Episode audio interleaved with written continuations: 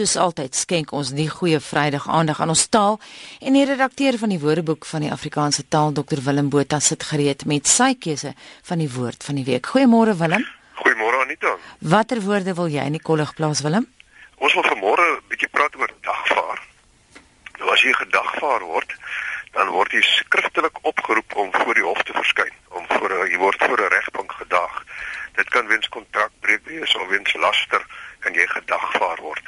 Nou ons kry dagvaar uit die Nederlandse dagvaardin en dit gaan terug na die Middellands van die nee van die van Nederland na die Nederlands van die middeleeue, naamlik dagvaart. En dagvaart het die betekenis van dagreis.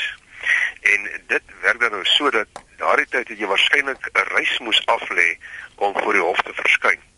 En daarom uh, kom dit dan uit die woord dagvaart, dagreis omdat jy moes reis om voor die hof te verskyn. Nou, die wat ek eintlik ook wil oorgesels is die selfstandige naamwoord van dagvaart. Mense twyfel dikwels of dit nou dagvaarding of dagvaardiging is. Hmm. En dit is natuurlik dagvaarding. En ek hoop mense onthou dit nou. Uh, daardie amptelike dokument wat jy ontvang, uh wat jou oproep of beveel om op 'n bepaalde dag en uur voor die hof te verskyn, dit is 'n dagvaarding. En uh daar's siviele dagvaardings wat jy oproep om op 'n burgerlike eis van 'n ander burger te antwoord. Daar's 'n kriminele dagvaarding wat jy oproep om weens 'n kriminele aanklag, dis wanneer jy landswet oortree voor die hof te verskyn. Ehm um, jy ontvang 'n dagvaarding of jy stuur 'n dagvaarding aan iemand, uh, dis nou die hof. En gewoonlik is die balie wat die dagvaarding op jou bestel.